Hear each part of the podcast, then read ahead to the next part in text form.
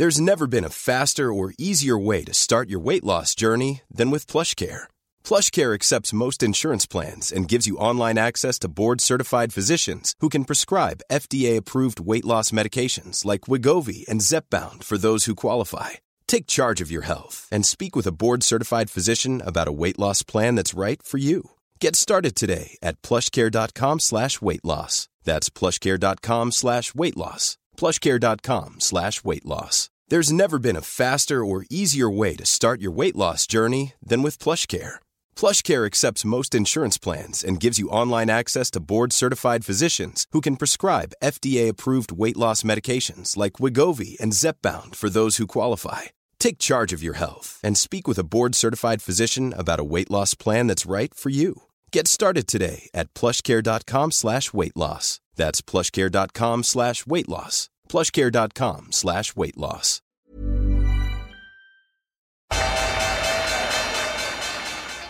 They mistook leverage for genius. Leverage for genius. I would recommend Japan. The governments don't rule the world. Goldman Sachs rules the world.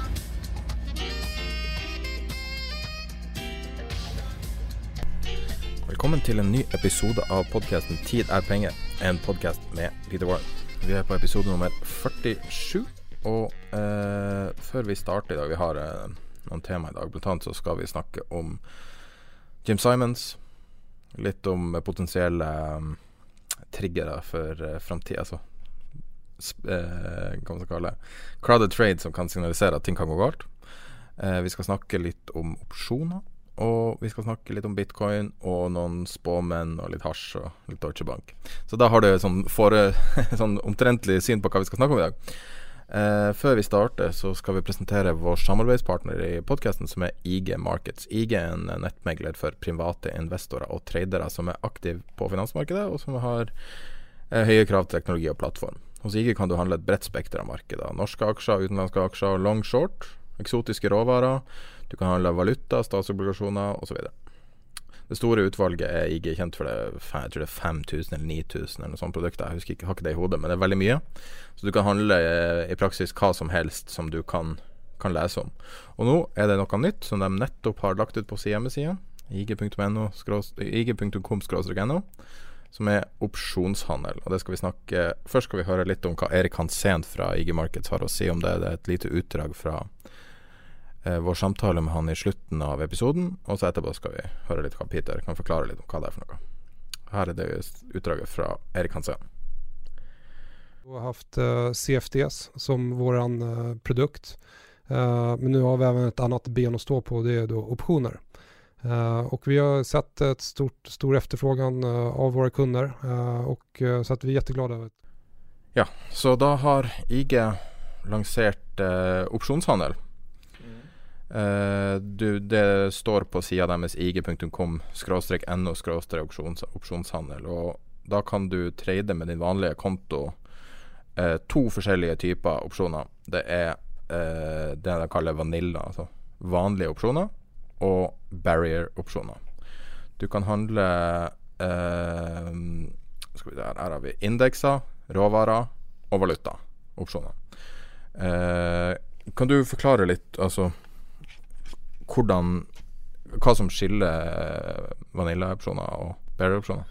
Ja, altså vanilla-opsjon er den vanlige opsjonen som er tilgjengelig bl.a. på Oslo Børs i dag, og som gir deg en rett, men ikke, men ikke en plikt til å, til å, kjøpe eller selge noe. Altså avhengig av om det er en kjøpsopsjon eller en salgsopsjon.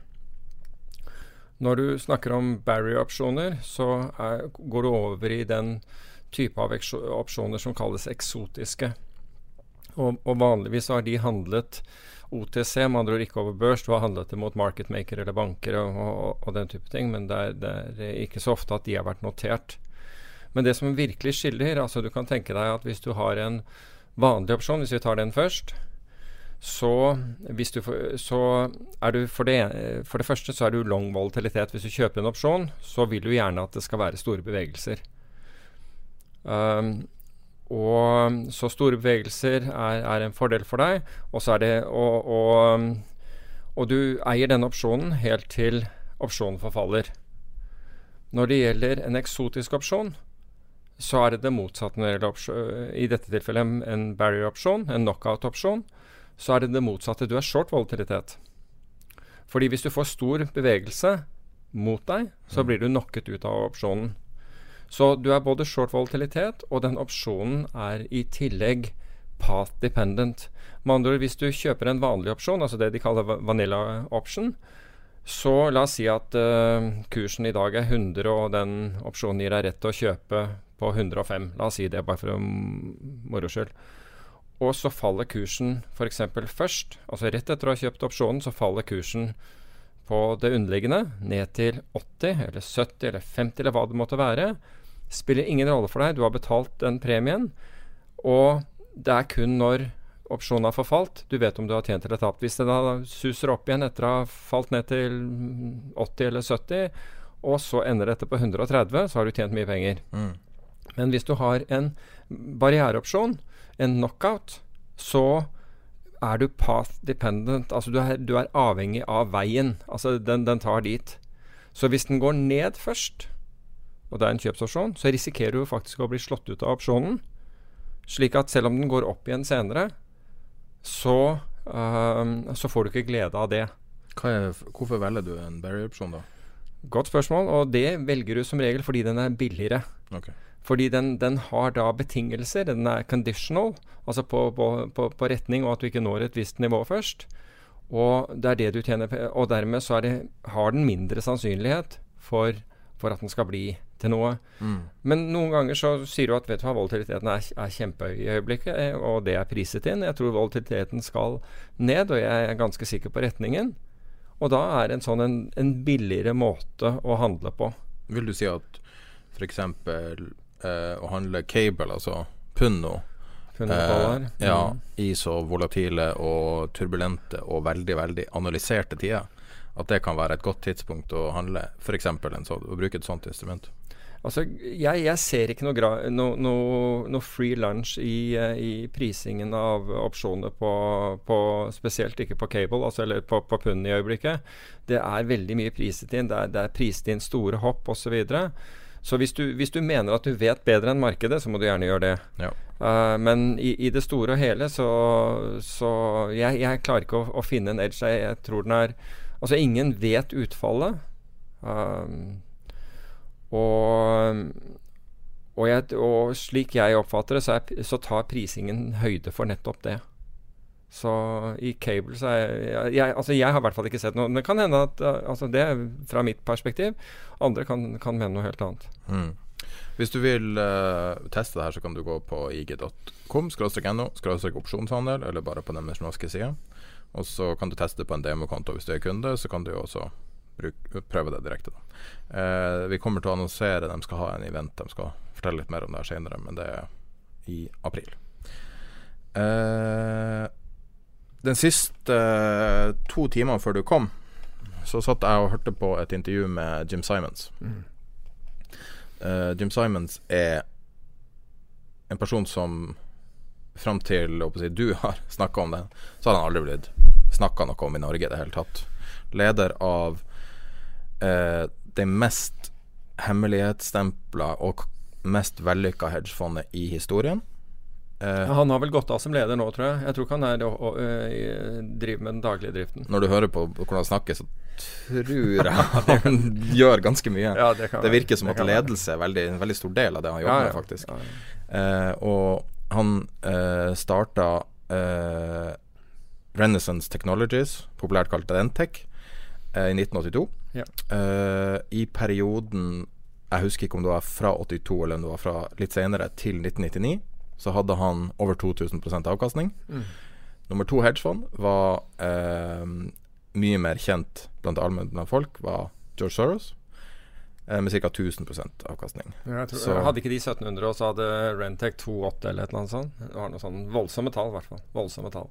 Store tall, Ja, uansett. store tall.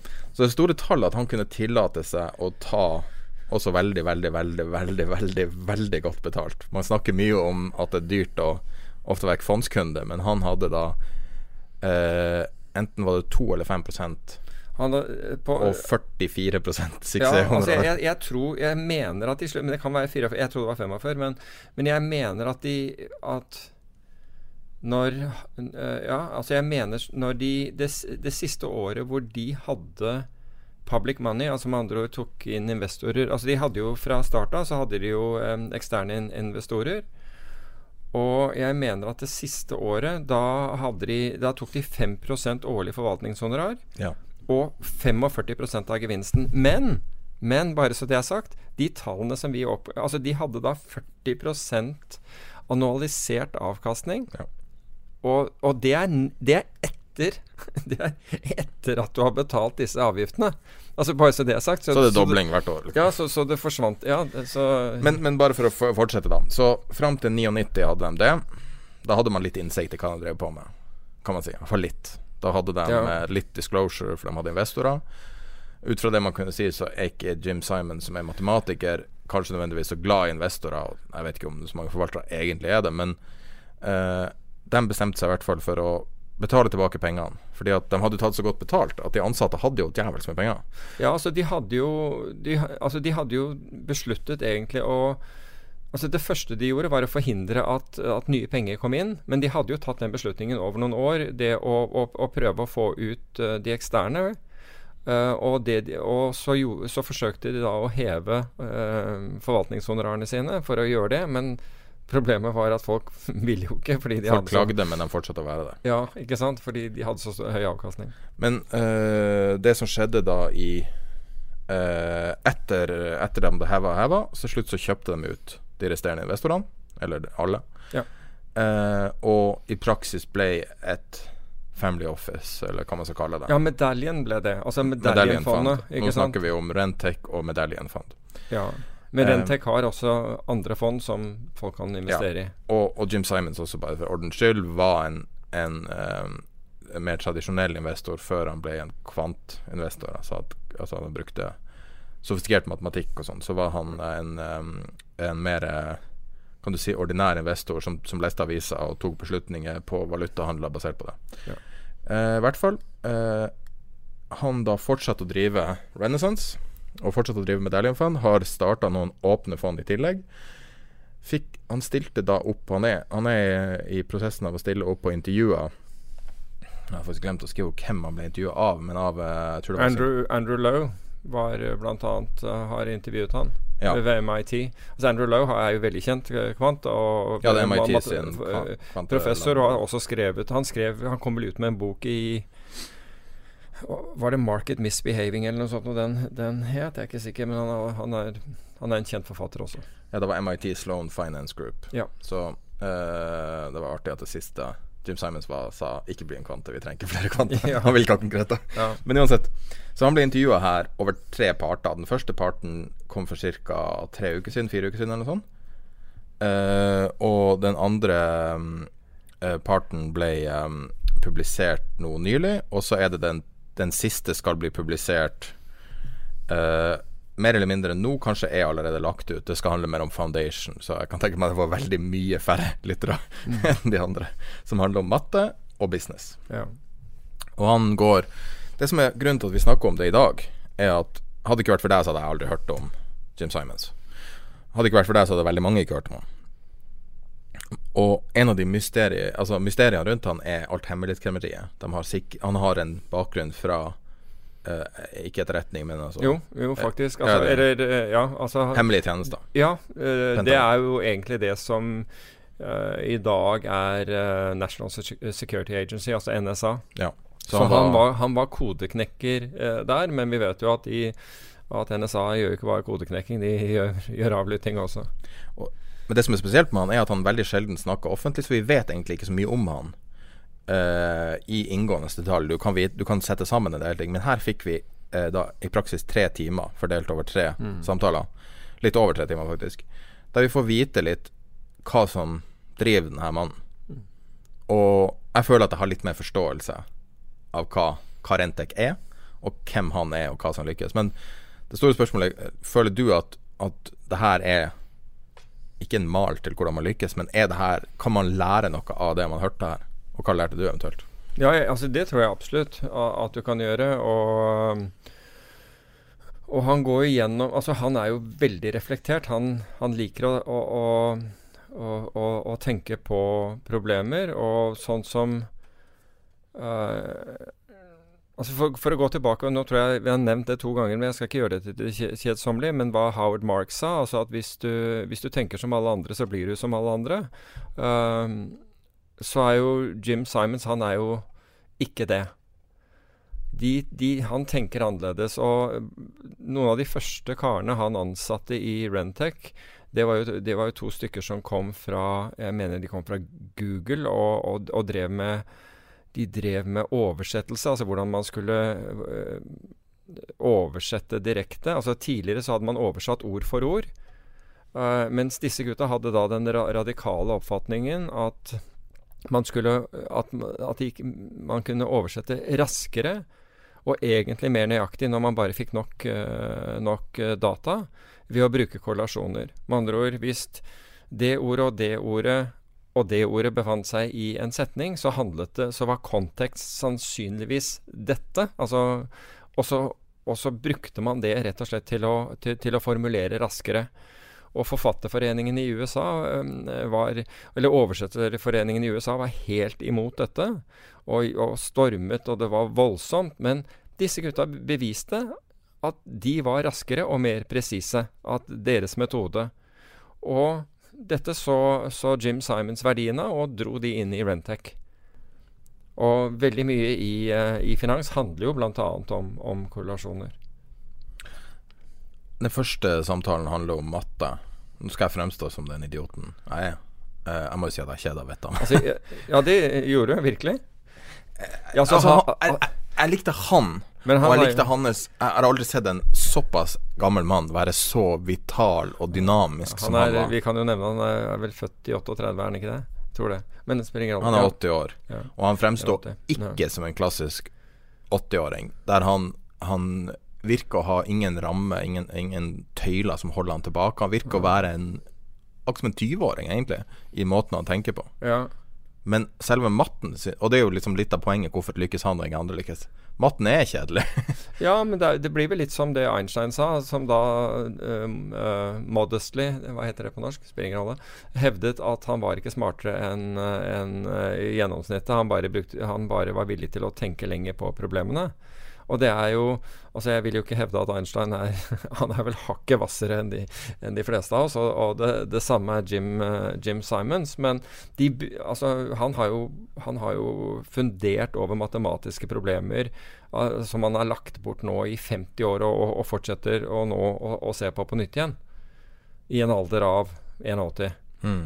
Så uh, så det er vel det som altså, I dag så jo, går jo alt på instant gratification. Ikke sant? Er derfor, altså Mobiltelefonene våre, eh, liker på Facebook og alt dette her, det handler jo om eh, umiddelbar Um, Dopaminrush. Ja, dopamin hva, hva, hva, hva, sier vi for gratif instant gratification? Altså umiddelbar Tilfredsstillelse. Ja, på en måte.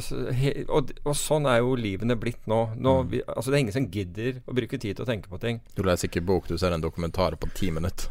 ja, ikke sant. Og, og, og i tillegg ja, du, Hvis du hører på Audible, så, så setter den på 2X, ikke sant. For det, du, du, ikke, ja, det, ikke sant? Det, bare for å sette på spissen. Men det er jo litt det. og og det Jim Simons han, han, had, han, har jo for så vidt han, Og han lister egentlig uh, hva han mener er suksesskriterier. Og det ene er jo å, å ansette smarte mennesker. Og det vil si mennesker som er smartere enn deg selv. Altså du må virkelig tørre å utfordre.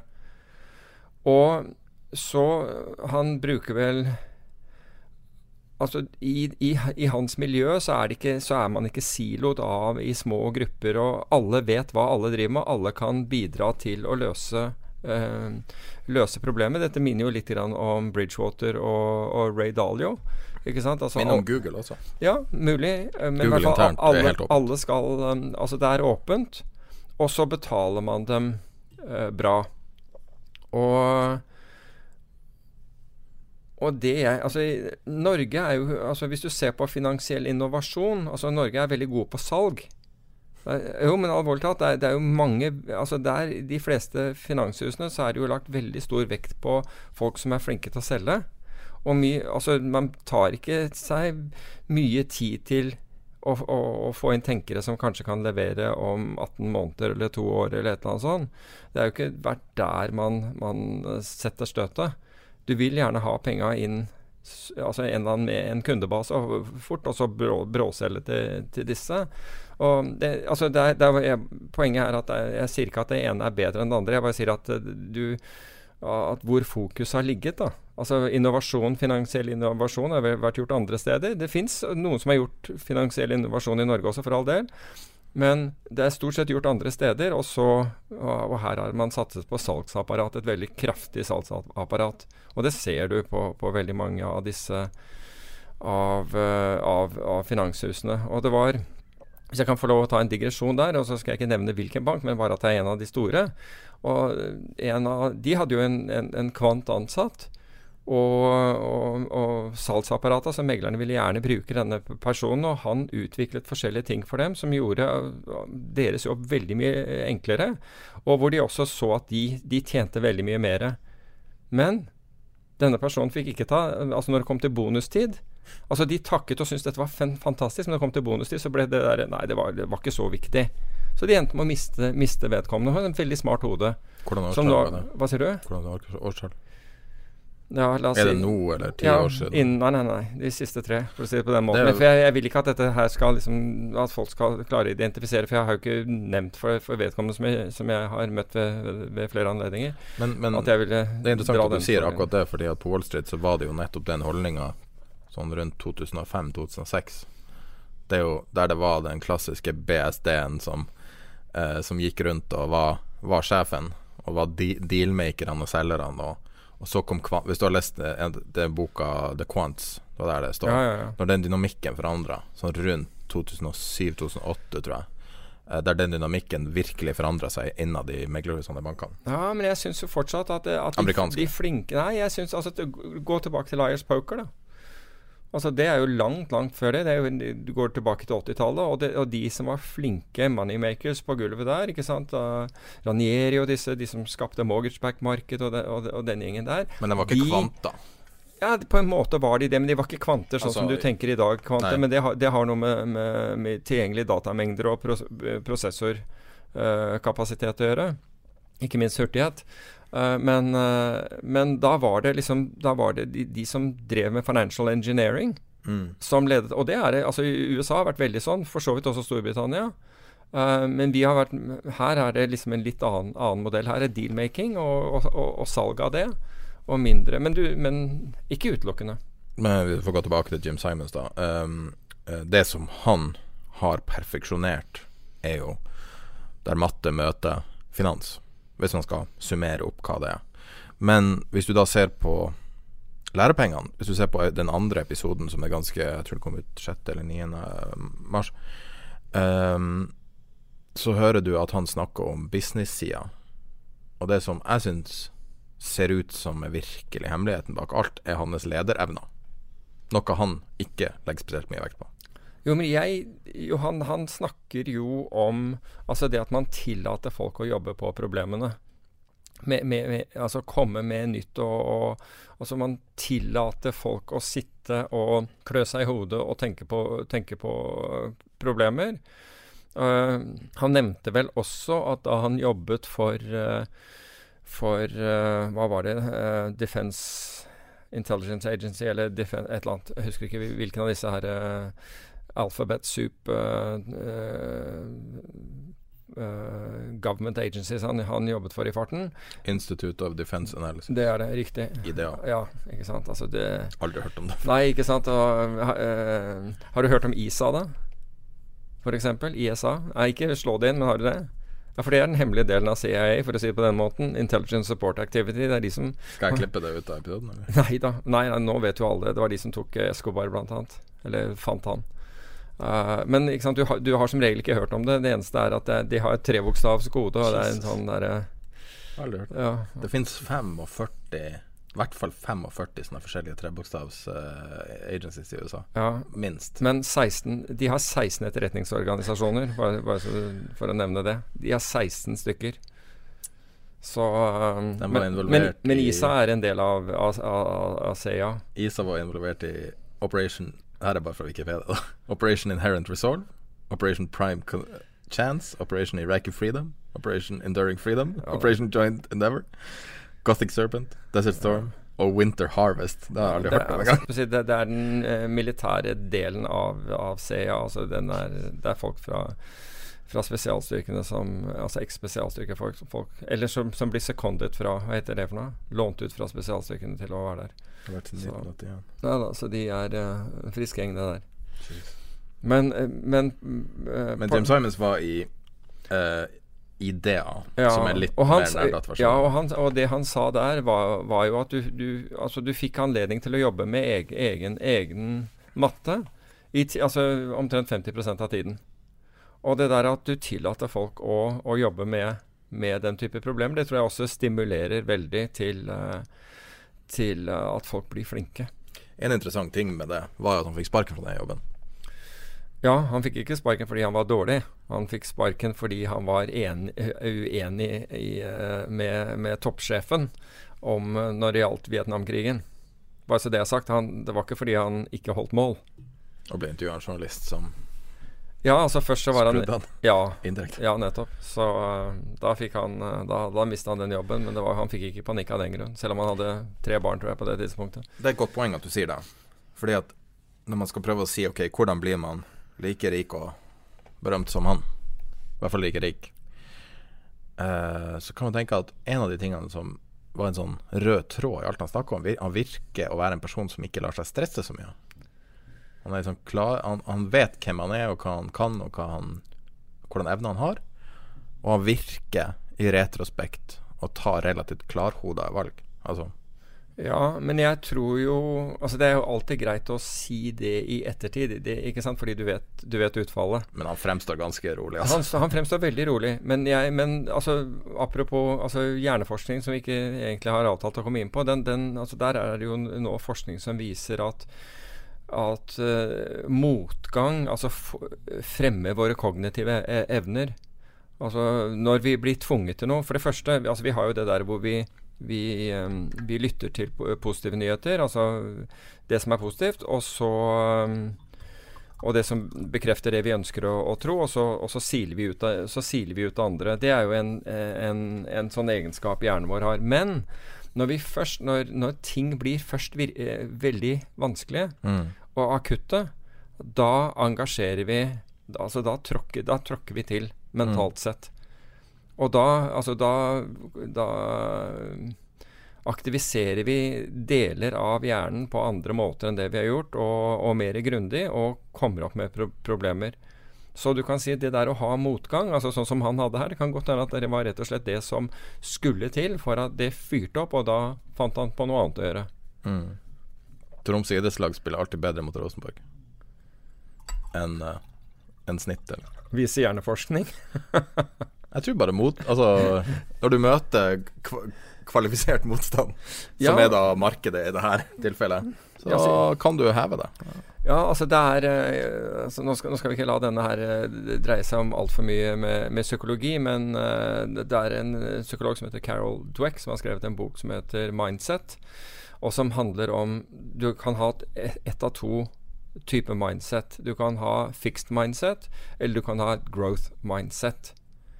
Og jeg har growth mindset, ikke fordi jeg har blitt diagnostisert med det, men jeg har liksom skjønt at hver gang det har Altså når, folk, når jeg har hatt motgang, og en av dem sier til meg at det der må ha vært fælt, og jeg egentlig ikke har syntes det selv, så er det faktisk Fordi jeg syns tvert imot det, det, det var interessant, lærte noe av det, så har du typisk growth mindset. Fixed mindset, da, da, da liksom raser verden for deg når, når noe går, går deg imot. Um, Jeg, jeg kan jeg skyte inn, da. Jeg har en tendens til å bli satt ut av småting, mens ordentlig motgang motiverer meg. Hva er det for noe, da? Nei, altså Det kan jeg også bli, altså sånn, men det er, det er et sånt irritasjonsmoment.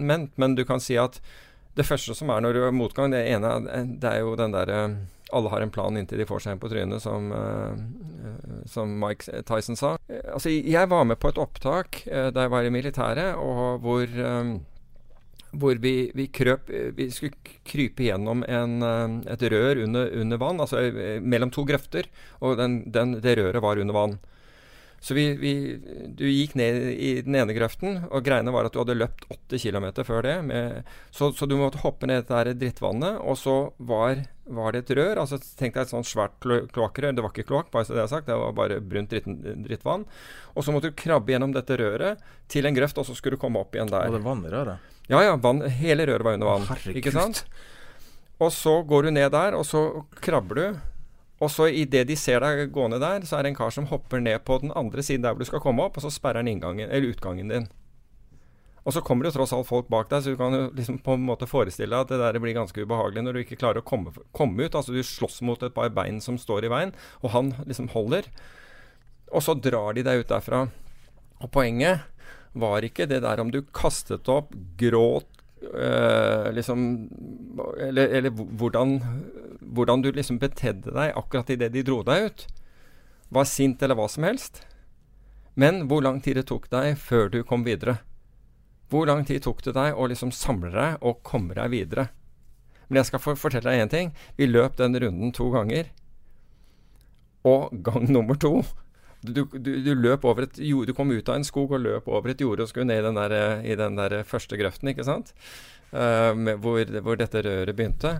Og andre gangen så alle som én sakket ned, altså når du begynte å nærme deg dette her, og begynte å hyperventilere for å prøve å liksom få litt oksygen opp i, i, i, blodet. Og det var jo den derre Og da var det jo folk som nølte og faktisk ikke ville ned i første gang, eller andre gangen, men da stoppet de deg ikke. Så når du kom til eh, utgangen da, så, så var du ferdig. Men det var veldig ubehagelig. Så, jeg holdt meg for øynene når du sa det. Jeg vet ikke om du så det. Det er noe av det mest klaustrofobiske jeg har hørt. Ja, det var jo ganske Det var jo ikke behagelig. Var, vet du hva det verste med alt det der er? Nei. Du sier at dere begynte å hyperventilere før, som øker sjansen for at du besvimer under. Ja, men det gjør ikke det når du allerede har Det er helt riktig at du gjør. Så ikke begynn å hyperventilere hvis dere ikke vet hva, hva ja, Fridykking, det er jo det motsatte du skal gjøre. Helt riktig. Men poenget her er at hvor, hvorfor du hyperventilerte, var jo fordi du var oxygen depleted allerede, mm. ikke sant, for å ha løpt nå 8 uh, km første gangen, og så da 16 km når du kom dit andre gangen. Jeg vet ikke hvor langt det var. Altså, det var så langt at det var ubehagelig. Men vi snakker ikke om 100 meter eller noe sånt. Nå. Altså, det, hva kunne det ha vært da? Uh, mellom 10 og 20? Kanskje ikke 20 engang. Å oh, nei, nei, nei, nei, nei. Det var et stykke gjennom der. Det, det er jo som, eh, som, eh, Hva heter det? Frihetens regn? Shawshank Redemption. Mm, ja, var det et vannrør i det? He crawled uh, through a, um, a, river of shit and came out clean on the other side, eller hva ah, ja, ja. ja, jeg skal love deg, ingen, ingen som kom opp på, på den andre siden, var, var rene, for å si på den måten. Det var var, men, men, greiene var de, det de, hva det de målte om, Nei, de målte altså det der når du har motgang, ikke sant, og ja. du måler hvor langt Altså, du får deg en på trynet, men det er hvor, hvor fort kommer du i gang igjen. Og det, altså det, det, trenger ikke å være at du fysisk får deg en på trynet, eller at du svelger vann. Men når du har fått deg en på trynet, hvor, altså hvor lang tid tar det deg å liksom riste det der av deg, og nå å ta deg sammen? Og det var, det var, det eneste de var interessert i her. Mm. Det var å se hvor lang tid det tok deg før du, altså for å ta deg sammen og komme deg videre. Ingen sa noe til deg, ingen skrek til deg, som de vanligvis gjorde. Men de, de dro deg ut av denne her. Altså fordi eh, hadde, Man hadde noe sånn webbing på. Det er sånn Hva heter det for noe? Sånn grunn, grunnutrustning. Et eller annet sånt der, Jeg husker ikke, vet ikke hva det heter på norsk. Dro deg ut, og dro deg liksom opp på kanten der. Men da var du liksom Overlater deg selv. Selvfølgelig, hvis du ikke pustet, så vil noen dra, begynne å gjøre noe med deg. Men men bare, da bare lot jeg være i fred. Altså, så, altså folk, noen syns jo Altså alle syns synd på seg selv. Men det var rett og slett hvor lang tid tok det deg å kaste opp dette her og komme deg opp på bena og vakle videre? Jeg vet ikke helt hva jeg skal si, egentlig, men noe altså det, Men det er i det ekstreme. Men, men poenget er at du, du, kan overføre det til en hvilken som helst situasjon. Hvor lang tid tar det før du liksom klarer å komme deg videre? Og noen ganger, altså, noen ganger så er ikke den fysisk Det kan jo være at du får mental smerte. ikke sant? Sorg. Hva? Sorg. Veldig Sorg. Ikke sant? Altså, det er jo Den er kanskje den verste. Ja, det, ja jeg syns det. Jeg syns at det Har du noen gang hørt om sånn uh, sorgterapi? Eller sånn, så, sånn uh, sorggruppe? Det var noen som, som sa at, at de brukte det for altså, ting som man ikke tolker som sorg. Har du hørt om sånn, sånn uh, altså sånn at man Akkurat som sånn støttegruppe. Altså, jeg har hørt om det, eh, men jeg har ingen, ingen erfaring med, med, med, med, sånn, med den type gruppeterapi. Ja, det funker mot ting som man ikke vil Ja, men det gjør det sikkert. Altså, fordi altså, folk har jo et behov for å, for å fortelle om hva de har opplevd, og hvordan de opplever ting.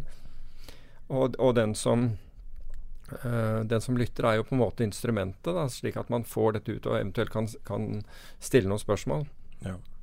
Men, eh, men igjen da, Jeg skjønner ikke hvor vi kom her fra, Jim Simons. Nei, det var det var, ja, det var jo det at han hadde fått, han hadde fått sparken. Og, men ja, det. men han, han virker, altså i hvert fall i ettertid, så virker han svært komfortabel med, med sine evner. Han visste han hadde evner, men han, han visste jo på dette tidspunktet ikke at han hadde evner innen finans. Eh, jeg tror han mistenkte det. Ja, Fordi han hadde jo gjort noen Han gjorde jo først en trade, noen aksjer, som gikk ingen vei. Da han var vel 18-19-20 eller noe, tror jeg.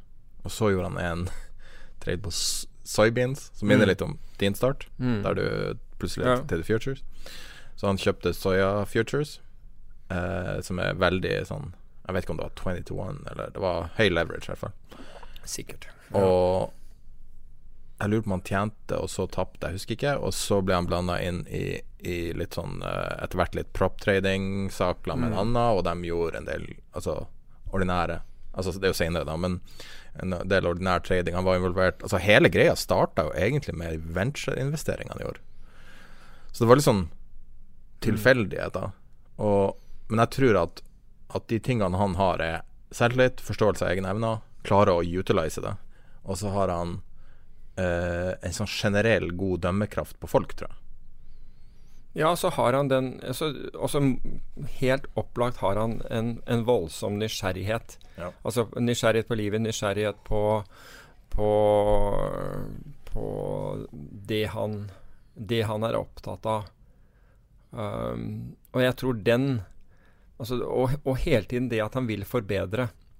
Det er jo en som, som stiller spørsmål i den andre, den som Andrew Lowe uh, leder, om, eh, om eh, den med medaljenfondet, som er det hemmelige på en måte fondet som nå bare de ansatte har, har penger i.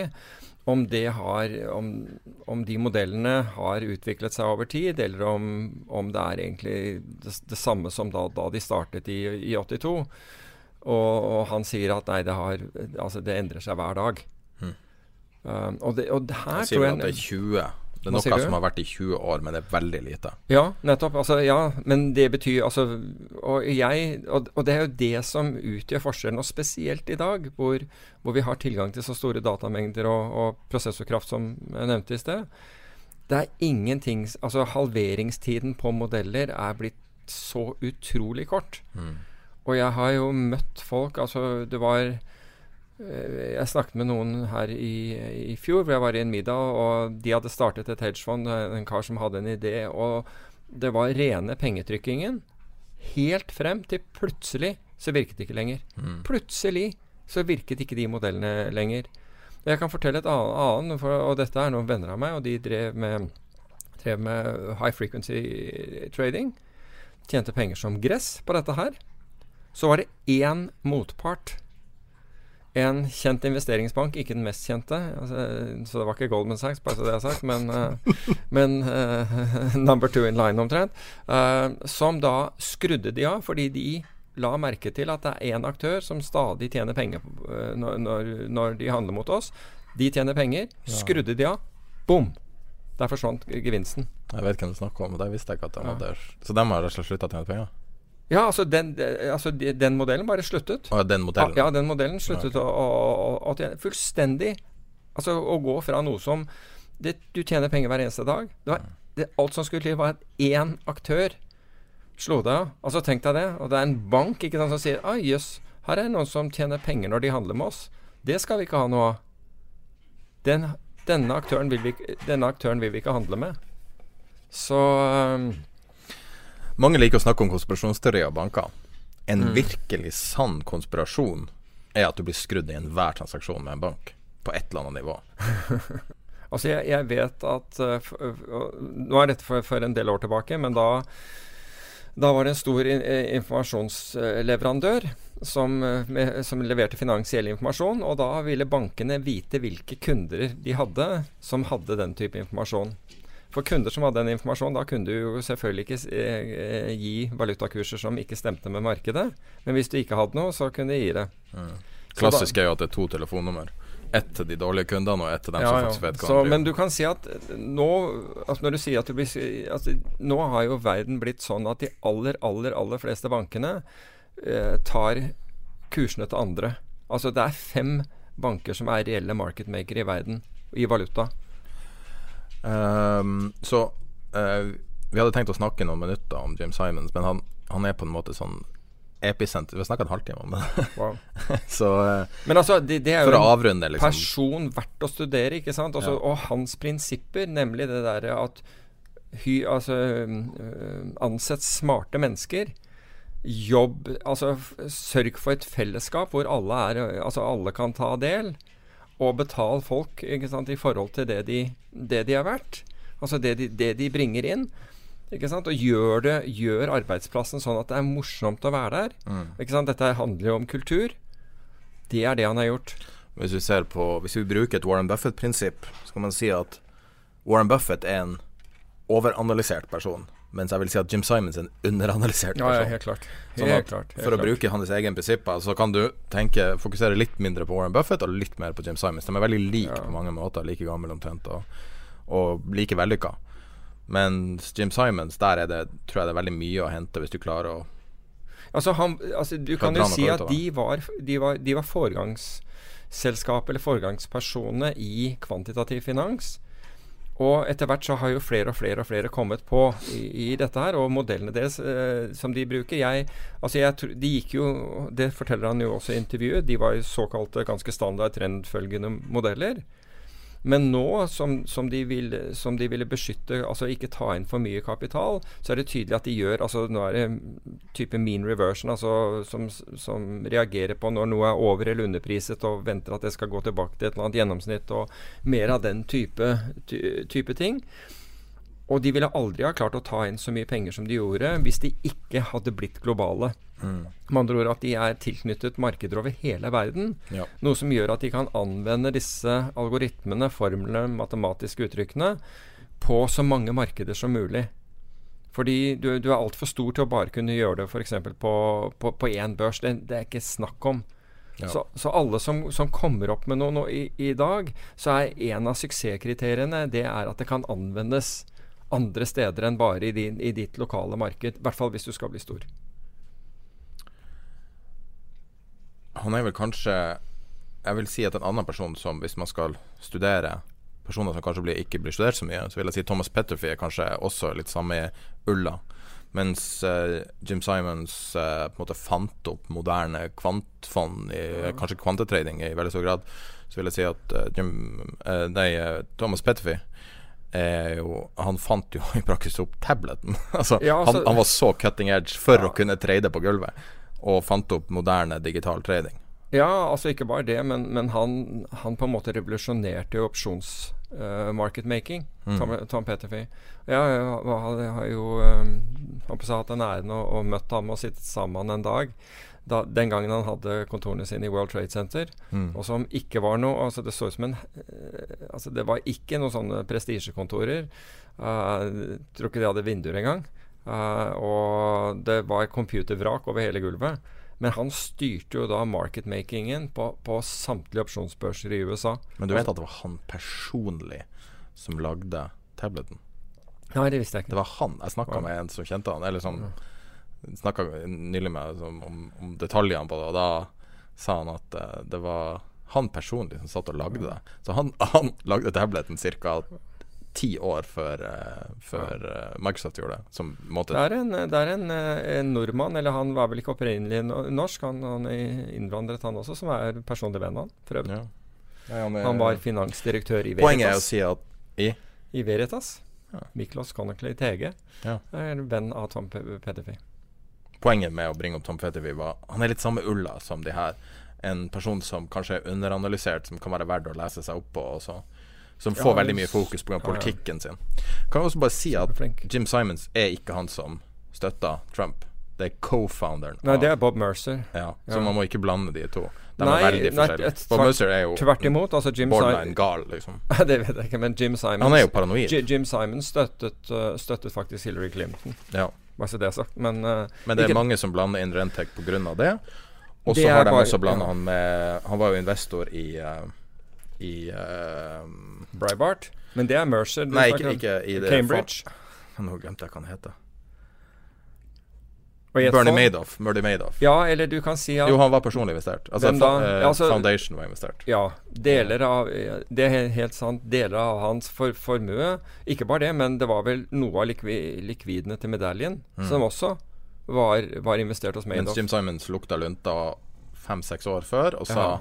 noe er galt, jeg vet ikke hva, men jeg vil ikke være involvert i det. Ja, altså Ja, det han gjør, det er at han gir en av, en av eh, de som jobber for han uh, i oppgave, og han gir han alle sluttsedlene. For husk på Bernie Madoff drev med aktiv forvaltning. Så slik at du hadde aktiv forvaltningsavtale med alle disse forskjellige. Uh, så hadde du dette Fairfield Greenwich, som var, var et fond, men selve Madoff drev no, drev ikke noe fond. Han drev aktiv forvaltningsavtale, så du måtte da ha avtale med, med dem. Og det gjorde jo at du fikk alle sluttsedler. Det viser seg at det var jo falsum, men det er greit nok. Men så Jim, Jim Simons tok jo da bunken av sluttsedler, ga til en av sine kvanter og sa kan ikke vi finne ut hva, hva han her gjør som er så utrolig unikt, for han tjener så mye penger. Og det er da han fyren sier at jeg skjønner ikke. Det, det Bernie Madoff hevda å gjøre, var jo å, å kjøpe Enten var det utse eller kjøpe Putz og Kål, så jeg Nei, ikke. de, eh, tillegg nei og der, der tar faktisk Jim Simons feil, fordi han sier det at han Ah. kjøper Ja, fordi det Bernie Madoff gjør, er at han kjøper aksjer, og så skriver han kjøpsopsjoner og kjøper salgsopsjoner på de samme aksjene. Akkurat. Ok, Så, så eh, det, det, altså det, det, det faglige uttrykket er risk reversal, men av en eller annen grunn så bruker folk i hvert fall eh, eh, uttrykk som split strike conversion og Det var det han markedsførte. Color er det noen som bruker på det. Men i hvert fall Og det var derfor altså Det var når disse folkene fra Fairfield besøkte oss den gangen og forklarte hvilken strategi de brukte, så var jeg så Altså, jeg var veldig godt kjent med den, den, den strategien. Jeg hadde bare aldri fått fått, en, eh, fått eh, lignende resultat ut av den. Og når han forteller oss det, tenkte jeg jøss, dette her skal vi jaggu gjøre på det europeiske markedet hvis det her, dette her funker så bra. Og det var sånn vi, vi Altså, jeg, jeg trodde aldri at det, at det var en svindel, men det var sånn vi ikke Vi kunne ikke forstå resultatene. Vi kunne ikke fatte hvordan de tjente så mye penger på, på det, og hvor, hvorfor det var så jevnt. Vi trodde de drev med smoothing. Altså, jeg vet ikke, vet du hva det er? Altså det vil si at du tar, altså Hvis du har veldig gode resultater i en måned, så holder du igjen noe av det resultatet, og så bruker du det liksom på en måned hvor det ikke Fordi går fullt så bra. var så pent. Nettopp. Så, så det trodde vi faktisk at de, de gjorde, men, men svindel hadde vi ingen, ingen formening om. Akkurat smoothing er jo ganske utbredt. Altså det, og ja, det er ulovlig, da. Jo, Det er ulovlig uansett. Men, men du kan Du si ser det nå i Ja, altså jeg tror det er vanskeligere å gjøre i dag. Jeg tror det er mer fokus på det nå. Men det var jo, det var jo perioder hvor du tenkte det her virker jo ikke helt riktig. Vet du hvordan du ser at noen doper seg i Tour de France? Jeg har alltid likt Tour de France, sett på det i alle år. Hvordan noen du Nei? Du trenger ikke å se en doptest. Du trenger ikke noe blod, ingenting. Du ser hvordan de er i bakkene. Okay. Og det er en spesiell måte Altså, det første gangen som en person sa, ikke offentlig, men der det ble hørt at noen anklager Lance Armstrong for å dope seg, så vidt jeg vet, var eh, han eh, eh, Hva heter han, han gamle sykkel, sykkelstjerna? Han eh, Eddie Merx? Nei, han amerikaneren. Eh, satt i hvert fall på en, i en bil med, med en eh, fransk mekaniker. Og så rykka Lance Armstrong i bakke. Og så sa mekanikeren eh, 'Ille dans la jus', eller noe sånt. Som er 'He's on the juice'. Med en gang. Fordi at det er noen sånne måter du beveger deg på som bare ikke er fysisk mulig. Altså du, du har en sånn sperre i bakka. Og når du ser på Tour de France nå, så er det aldri noen som gjør det. Men det var jo det beste med Tour de France, var jo når folk rykka i bakkene. Det er jo det artigste. Når det er helt crazy, liksom. Hvordan er det mulig å gjøre det? Det er ikke mulig å gjøre det. Og det er liksom Bernie Madoff. Uh, du sa vi ikke klarte å snakke en halvtime. Nå er vi på ca. 45 minutter på James Simon. Så vi kan gå videre til uh, uh, neste krise, krakk og elendighet. som du skal spå nå. Nei, det, det trenger du Martin Peter A. Armstrong. Nei, Nei. Martin Armstrong. Eh, nei, vi skal ikke snakke Ja. om Martin Armstrong. Vi skal snakke om crowded trades, Ja. som du mener nå eh, Historisk sett har vi jo hatt en del crowded trades rundt Ja, altså, nedturer. Altså Hvis du ser, så er nesten alle de smellene, ordentlige smellene som har kommet, er kommet fordi Igjen, vi har snakket om dette før, så vi skal ikke bruke mye tid på det, men det har kommet fordi alle har hatt en oppfatning. ikke sant? Alle har vært inne i noe. Altså Du, du kan jo nesten si smellen med, med krypto som, du, som kom i fjor, var jo liksom Alle skulle inn i det, og du får en smell der. Du fikk smell på, på IT-aksjene. Alle skulle inn i der uansett ja, hvor, hvor mye det var verdt. De var short volatilitet i fjor, ikke sant. Smalt der, ikke sant. Du, og, og det fikk jo, altså det fikk jo sån, sånne bølger. Altså det var ikke mye du falt i fjor. Altså Det var ikke mye det falt, 10-15% i aksjemarkedet etter en fantastisk oppgang. Likevel så er det krisestemning. Såpass mye at, at uh, til og med Federal Reserve snur seg og, og, og, og, endrer sin retorikk for, for at det ikke skal bølge for mye i markedene. Og greiene er at nå, du, du ser jo det, det, det sprøytes. Altså hvor du, du ser veksten avta, vi har snakket om dette før. Uh, inntjening avta, og allikevel så kjører, altså, så kjører man full gass inn i, inn i aksjemarkedet. Det er der pengene går.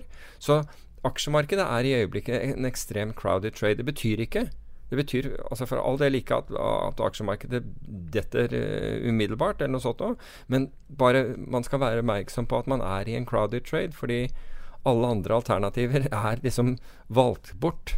Alle pengene er på ett sted, og de er giret.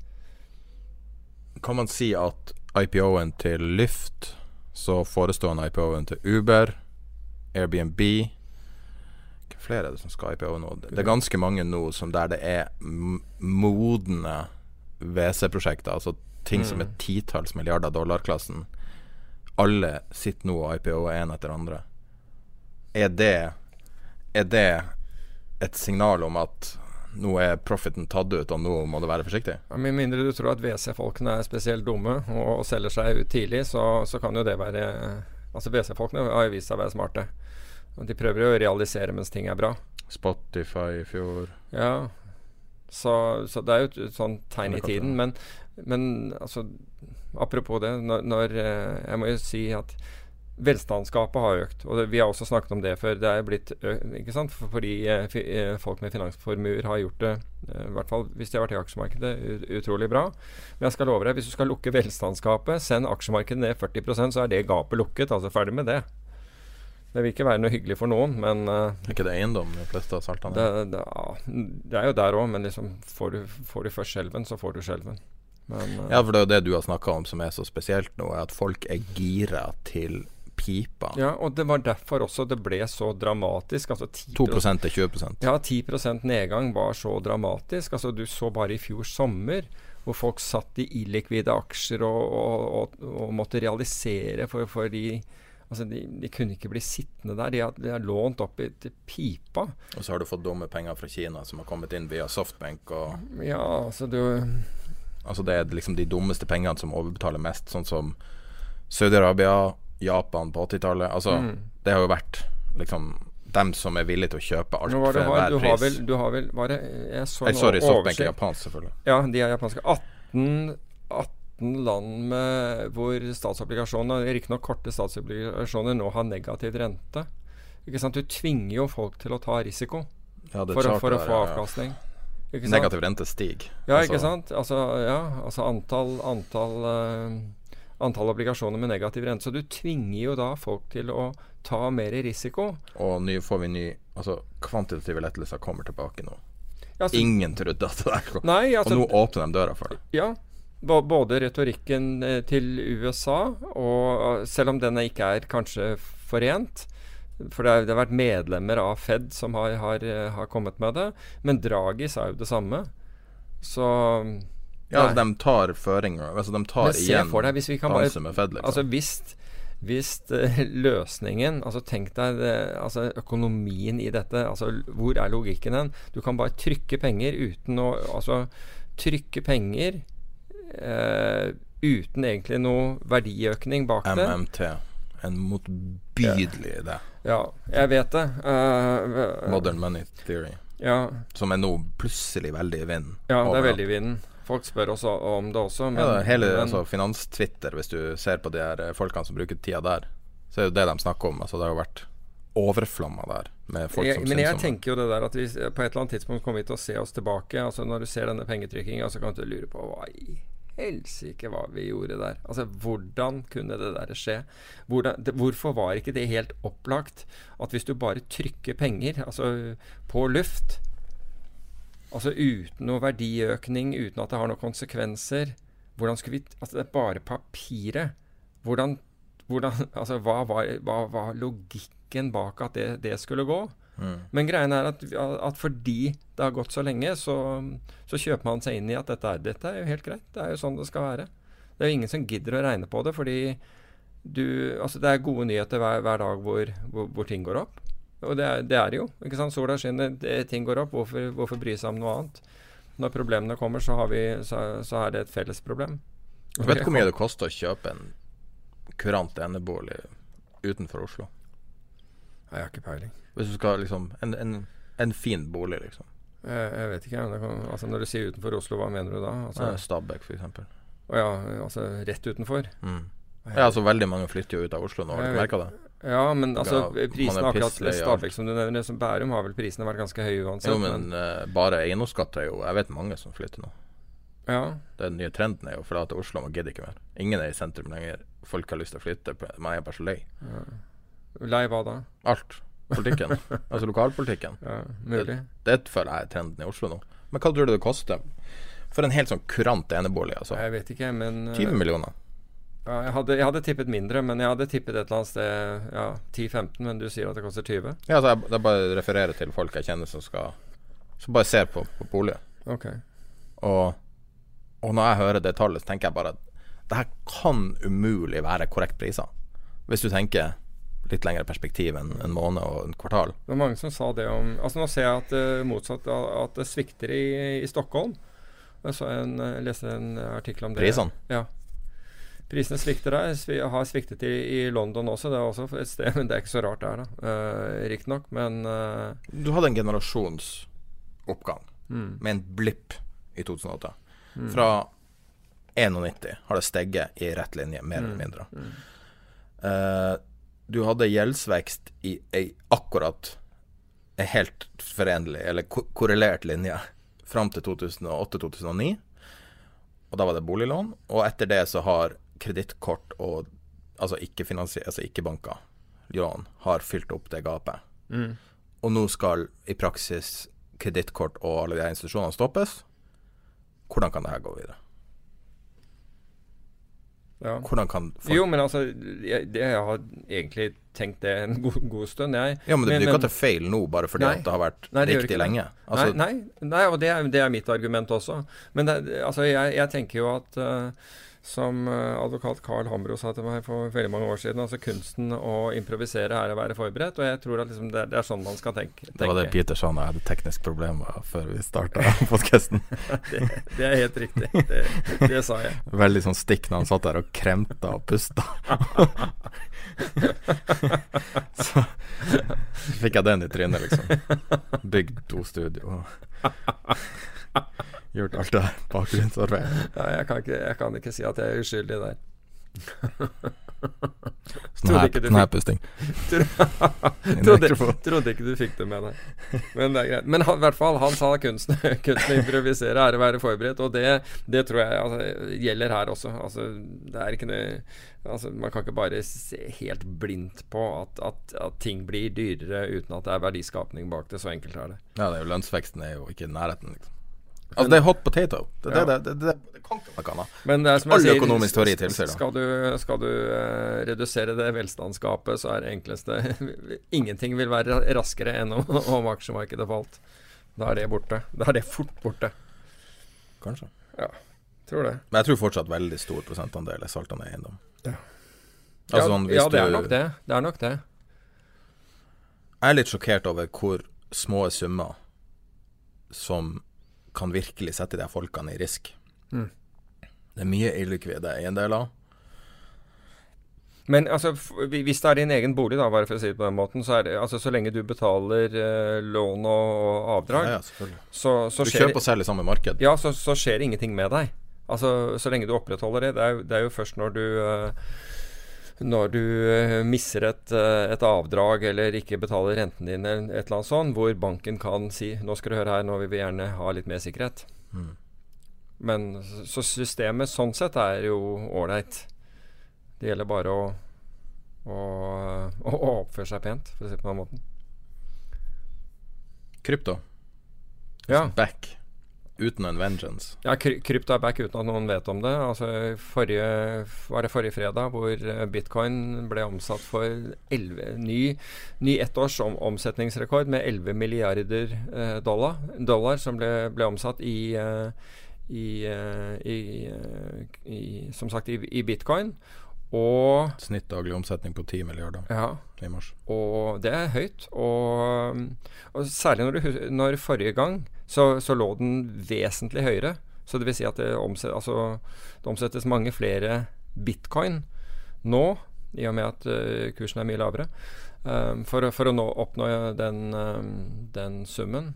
Hvem er det som handler? Er det finansielle aktører, eller er det gærningene? Nei, det er, altså, det, det er kommet inn flere finansielle aktører, men det står jo hele tiden og bremser på at Federal Reserve Unnskyld, ikke Federal Reserve, men SEC ikke har altså, drag their feet, som, som de sier. Både når det gjelder tillat- børstillatelser. For nå var det én børs som ga opp future, uh, futurehandelen. Den første børsen. altså Den, den lanserte vel uh, future på bitcoin var ti dager før Chicago Mercantile Exchange, altså Chicago Board of Options Exchange, gjorde det.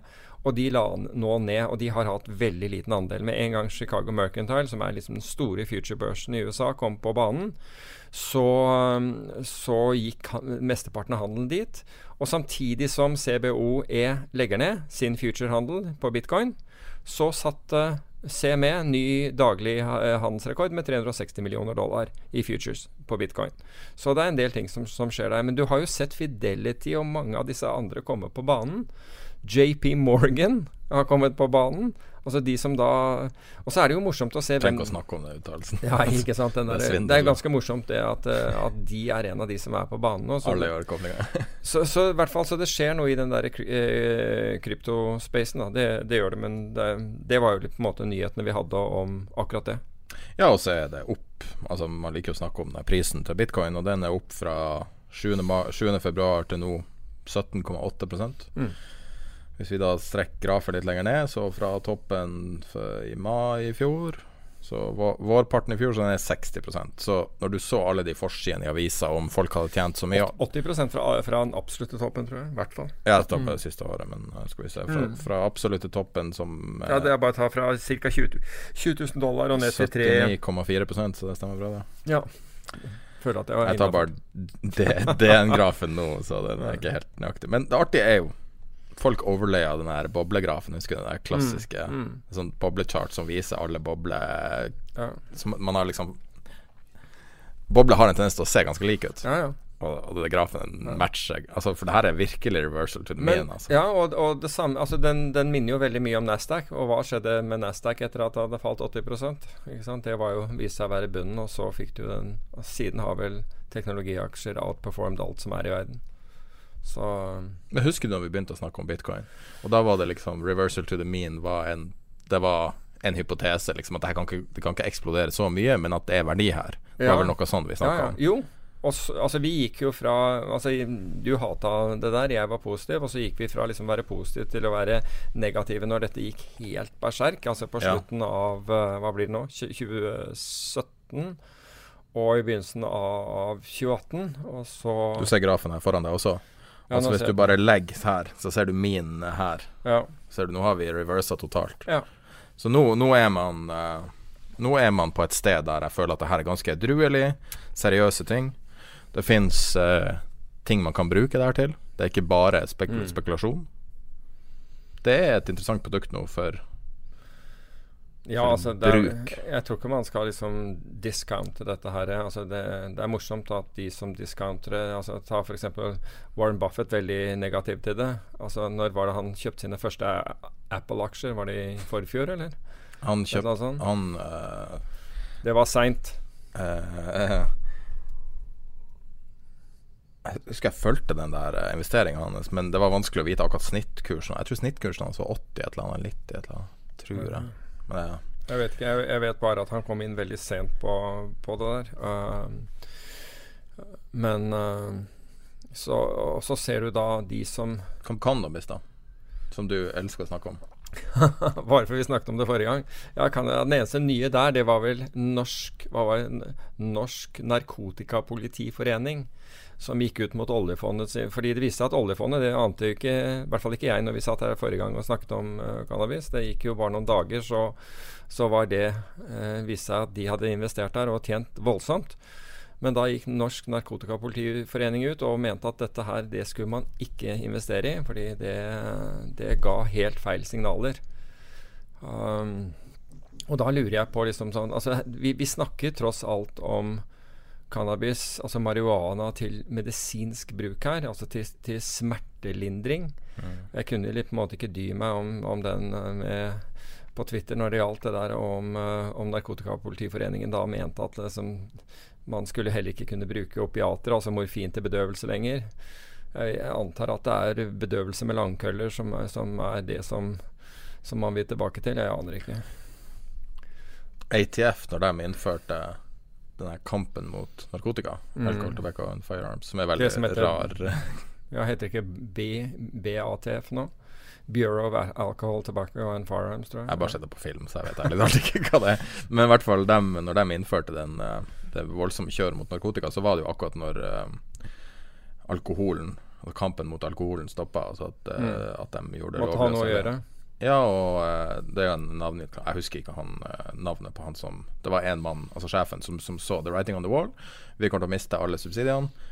Og da lagde de jo den veldig kjente eh, filmen som er noe sånn her er, Der det er folk som blir gale av å røyke marihuana og springer rundt og er helt spinnvill og sånn. Og åpenbart. Altså alle som har sett en person gå nedover gata og være berusa. Var, var kanskje filma på ja. Woodstock, eller? Nei, men det, det har du ikke sett det der? Det heter Nei, jeg har ikke det.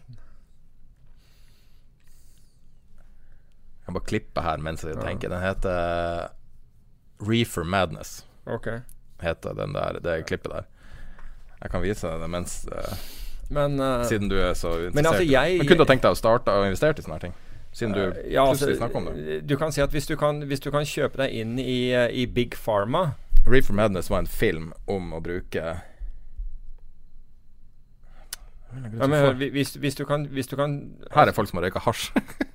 Ja. Men hvis, hvis man kan kjøpe seg inn i Big Pharma, som da bruker opiater, altså opiater som er et av de virkelig store problemene i verden, og det, altså det går greit, så ser jeg ikke noe grunn til at man ikke skal kunne kjøpe selskaper som produserer medisinsk marihuana. Men det er min egen personlige oppfatning, men jeg, jeg ser ikke det. Um, I tilfelle så Men er det her et Altså det her er jo et marked som har vært snakka så mye om. Og jeg må si at jeg blir litt overraska over at det har tjent Altså i hvert fall investorer så mye penger. Ja, de gjorde jo ikke det til, til å begynne med, men nå har man jo da legalisert flere og flere steder, og det er blitt mer og mer vanlig å bruke til medisinske formål. Og det fins Ikke bare medisinske, det er jo Ah, nei, masse nei, nei. rekreasjon i USA også. Ja, ja, men, men du kan si her er det jo Altså disse produsentene er jo først og fremst til, eh, til medisinsk eh, bruk. Og angivelig så skal det være Så skal marihuana ha en effekt altså på pasienter som ikke klarer å få smertelindring på annen Ja, det måte. jo, og CBD-olje er jo også det som er veldig veldig stort nå blant idrettsutøvere og alt mulig. Og Ok, godt ut- mulig, men, men altså poenget mitt er, poenget mitt er at liksom hvis, hvis, du, hvis du er i et smertehelvete, Mm. så må man jo bruke de midlene man har. Så enkelt er det. Ja. Så ja, jeg har i Men du, har du investert i sånne ting? Nei, jeg har ikke det, men jeg vil ikke ha noe problem med å gjøre det. Bare så det er sagt. Men Har ikke du gjort det? Først bitcoin, så det her, eller krypto, så det her. Ja, men jeg ikke, ja, det, Jo, jeg har, jeg har noe bitcoin og Ethereum, men eh, det, er, altså, det er jo i blockchain som, som er hovedgreia. Går det bra? Vet ikke, for det er jo et ventureselskap, så det tar jo år det før, uh, det. Men alt ser bra ut. Altså, du har jo Andreessen Horowitz som er med, som har investert i det samme, så Eh, jeg har litt tillit til de gutta òg. De, de, virker. De, Vinkelvoss-gutta er der, for øvrig. Å, Winkelvei heter den. Ja, hvis det er som er flertall, mener du? Ja, er Flertall av Vinkelvoss? Ja. Jeg så han da jeg var i New York en gang. Jeg, jeg satt i en bil eller noe sånt, og bare jeg, jeg, den hoppa nesten i taket der. Så, så Men i hvert fall, de gutta, de, de gutta er investert i det, i, uh, i, i det samme. Så Ja. Men altså, det er Jeg er litt imponert over at de har klart å gjøre noe ut av det der. Jeg har ikke noe Jeg følger det ikke. Jeg bare så nå på Nei, men de har nå klart å bygge noe ja, ja, ja, ja. Men jeg bare så på investorlisten av, av dette her. Men de, de prøvde jo å få opp en ETF. Ja, men det var en bitcoin-ETF. Dette, dette er jo delivery-mekanismen, ikke sant. Blockchain som er litt annerledes. Du kan, det er jo ikke en kryptovaluta. Eller det er ikke en valuta i det hele tatt. Ei setning. Deutsche Bank, Commerzbank. En, I én setning. Det, blir det bad bank, liksom, til sammen? Ja, blir det ikke det? Ikke bare blir det Bad Bank, men det blir vel Altså sammen så blir de Europas nest største låneinstitutt, altså med BNP som nummer én. Ja, også man må Um, ha enorme, enorme de, Men altså, jeg- Nei, de her Ja, altså, ja, altså problemet er jo Deutsche Bank, ikke sant, som Nei, ikke det. Commerzbank. som er Nei, det. men altså hvis du ser på Deutsche Bank altså Jeg, jeg liker jo Deutsche Bank, har alltid likt det, for jeg syns de har vært streite å deale med eh, i alle år. Og jeg har ikke noe, noe dårlig å si om dem.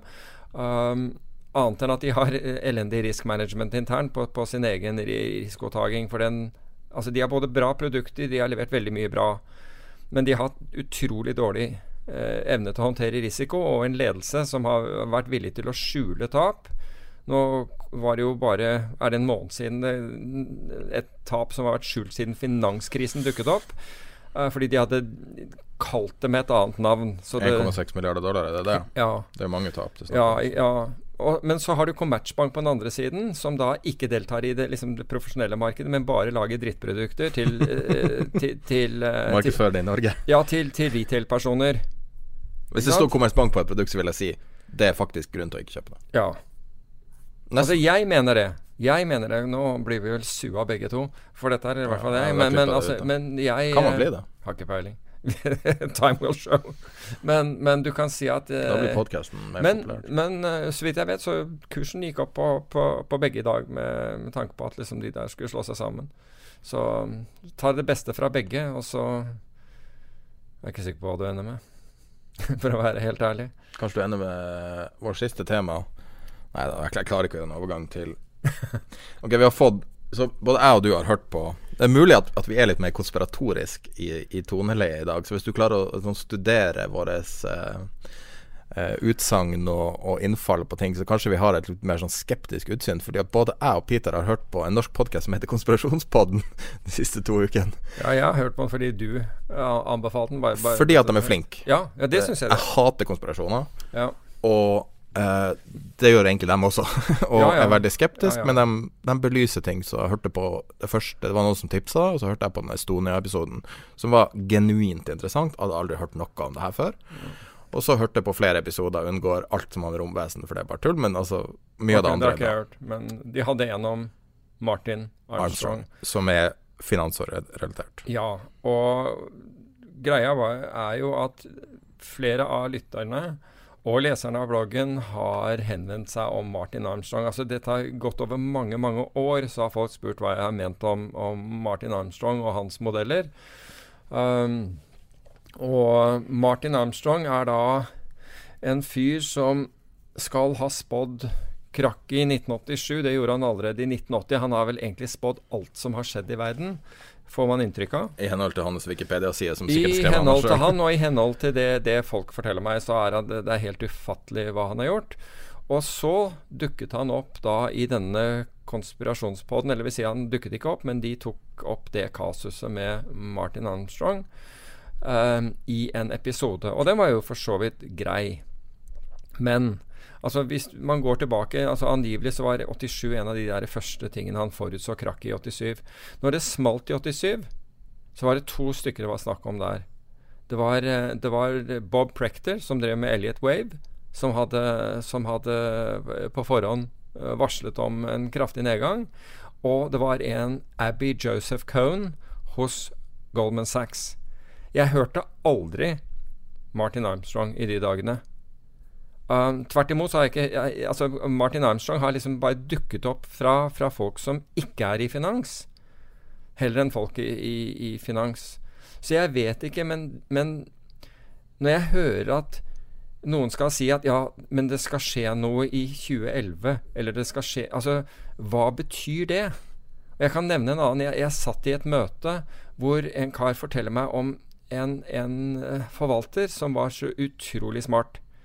Og så, så hører jeg på dette. Jeg liksom bare, jo, han hadde spurt du, skal, eh, skal aksjemarkedet opp eller ned? Hadde han spurt han her forvalteren. Og så hadde, så hadde forvalteren sagt at ja, aksjemarkedet kan gå både, opp, gå, gå både opp og ned, du. Og så sier han fyren til meg som da hadde stilt dette spørsmålet til faren, og tror du ikke markedet da gikk ned bare tre måneder etterpå? Som om det var en innertier av han forvalteren som hadde sagt at markedet kan gå både opp og ned? På samme måte som han du møtte på gata, som hadde anklaga deg for å gå Han har gått long dollar pga. at du hadde nevnt ordet dollar for åtte år siden. Ja, ikke sant? Altså så, så du kan si at Altså, jeg føler jo at juryen er har ikke engang uh, forlatt rettssalen når det gjelder Armstrong og, og hans prediksjoner. For, jeg har, altså, for, det første, har vi sett alle prediksjonene hans, og hva var det han egentlig sa i forhold til hva var det som egentlig skjedde? Hva med alle de gangene han eventuelt har bommet? Er det noen som har Altså, de er antageligvis ikke tatt med. Så jeg vet ikke om fyren Altså, han er en da uskolert kar. Self-taught economist. Self-taught uh, economist. Nå, er han vel rundt noen og 70 år gammel. 69. Hva sier du? 69. Er det? Ok, greit. 69 år gammel. Og, så, og, han had, og han brukte da det matematiske eh, eh begrepet, eller pi, eh, til å forutsi sykler. Og det kan det godt hende at du gjør. Men så vidt jeg forsto, så var syklene hans husk, Jeg husker ikke hvor lange de var. Ti ganger pi dager. Ja. Cirka. Så da har du altså sykler på tre, over 3000 dager, da. 3141 dager. Ja, 41 dager, ikke sant. Så, så, du kan si at Ok, la oss si at du sier noe At jeg tror markedet skal falle om 3141 dager. Så han lot det være med 3,14. Han tok ikke de andre desimalene. Det det, det, på ja, men det, det, er, det er 3,14. Ja, det er det. Ja, det, pri er 3,14 pluss en hel haug av andre tall. Men, men, men, glem det. Men, men, poenget er, la oss si at du, du, har gjort det der. Ok? Det er alltid litt sånn feilmargin rundt det, så la oss si at du har en 10% feilmargin. Det er 300 dager, det.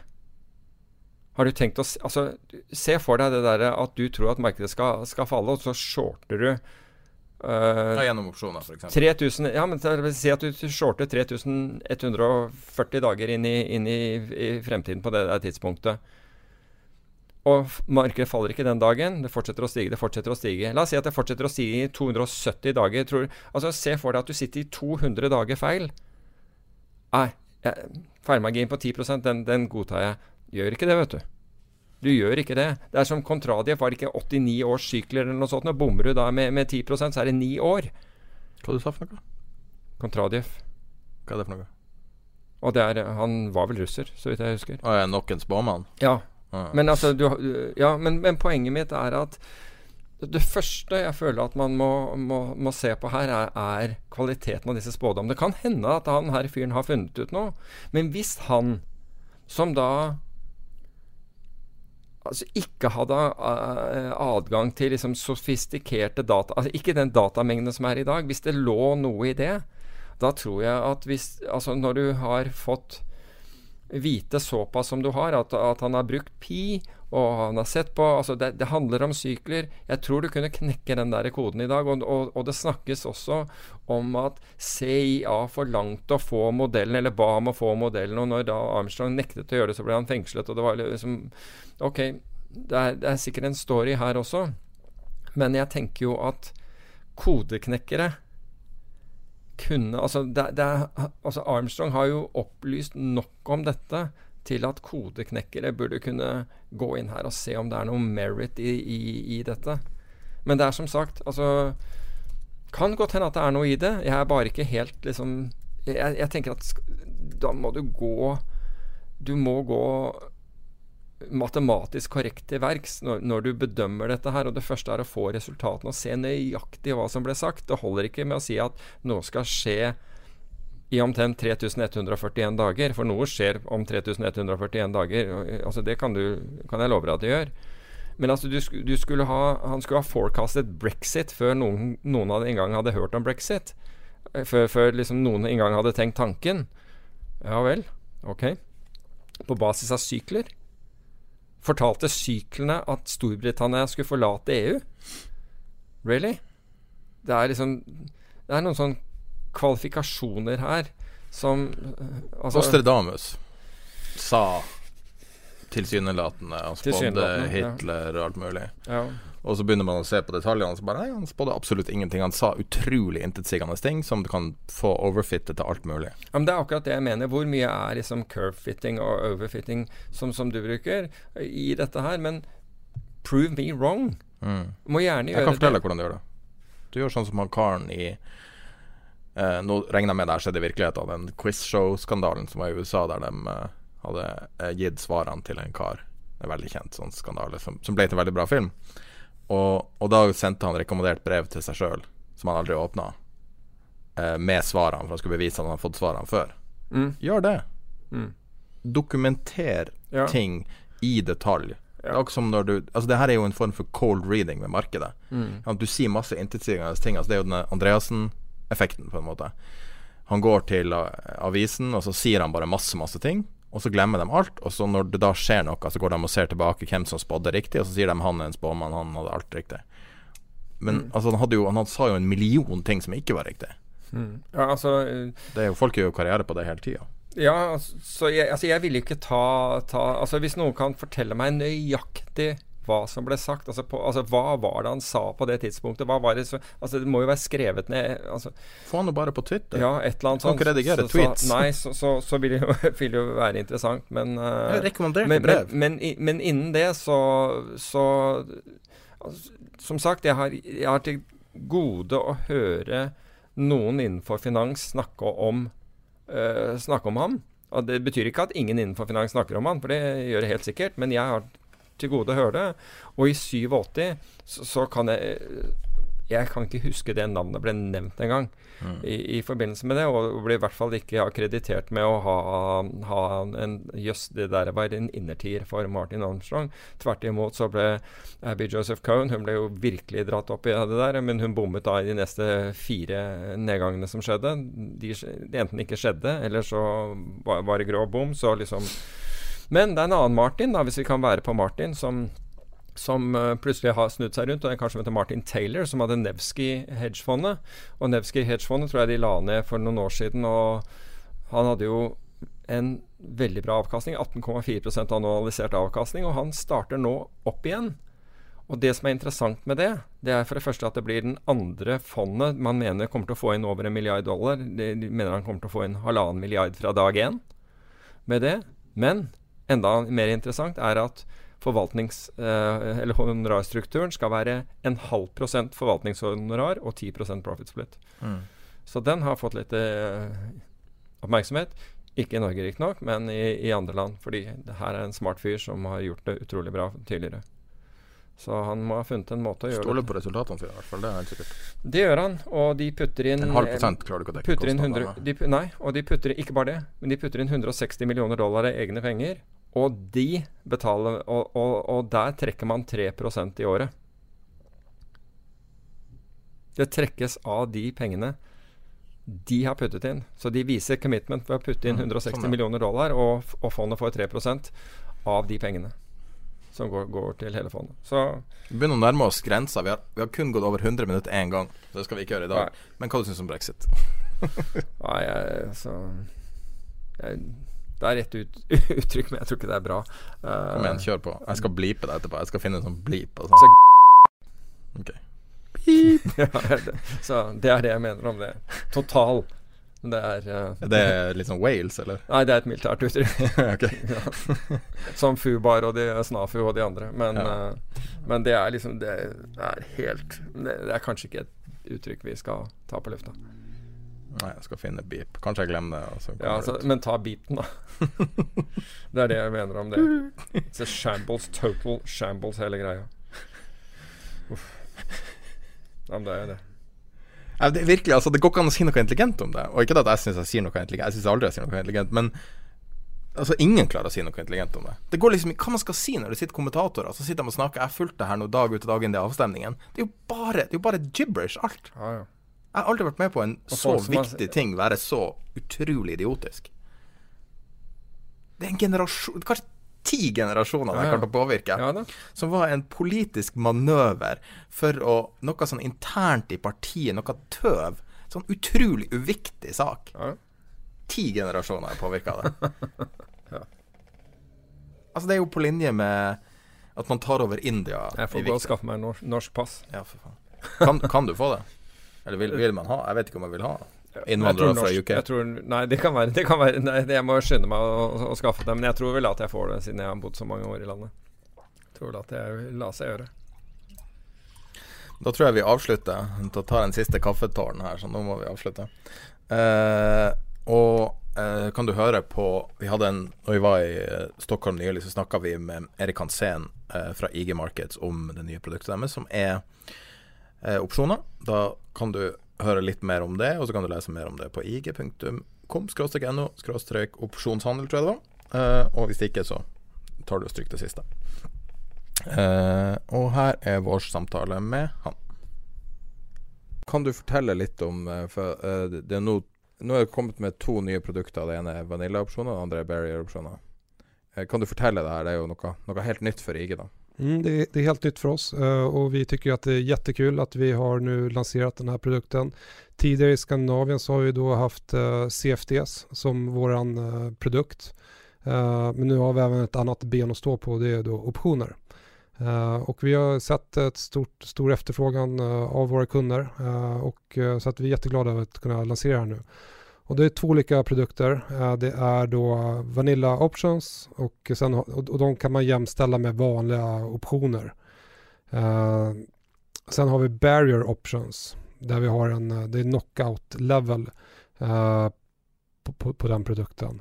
Och vi kommer ha massa webbinar, vi kommer skriva massa artiklar och komma ut med massa utbildningsmaterial om hur de här optionerna fungerar. Eh, och eh, är man eh, intresserad så gå in på ig.no eh, och eh, ja, ko- kontakt, kontakta oss på, på kundservice så får man höra mer om hur de fungerar. Hi, I'm Daniel, founder of Pretty Litter. Cats and cat owners deserve better than any old fashioned litter. That's why I teamed up with scientists and veterinarians to create Pretty Litter. Its innovative crystal formula has superior odor control and weighs up to 80% less than clay litter. Pretty Litter even monitors health by changing colors to help detect early signs of potential illness. It's the world's smartest kitty litter. Go to prettylitter.com and use code ACAST for 20% off your first order and a free cat toy. Terms and conditions apply. See site for details. Hey, it's Paige DeSorbo from Giggly Squad. High quality fashion without the price tag. Say hello to Quince. I'm snagging high-end essentials like cozy cashmere sweaters, sleek leather jackets, fine jewelry, and so much more. With Quince being 50 to 80% less than similar brands.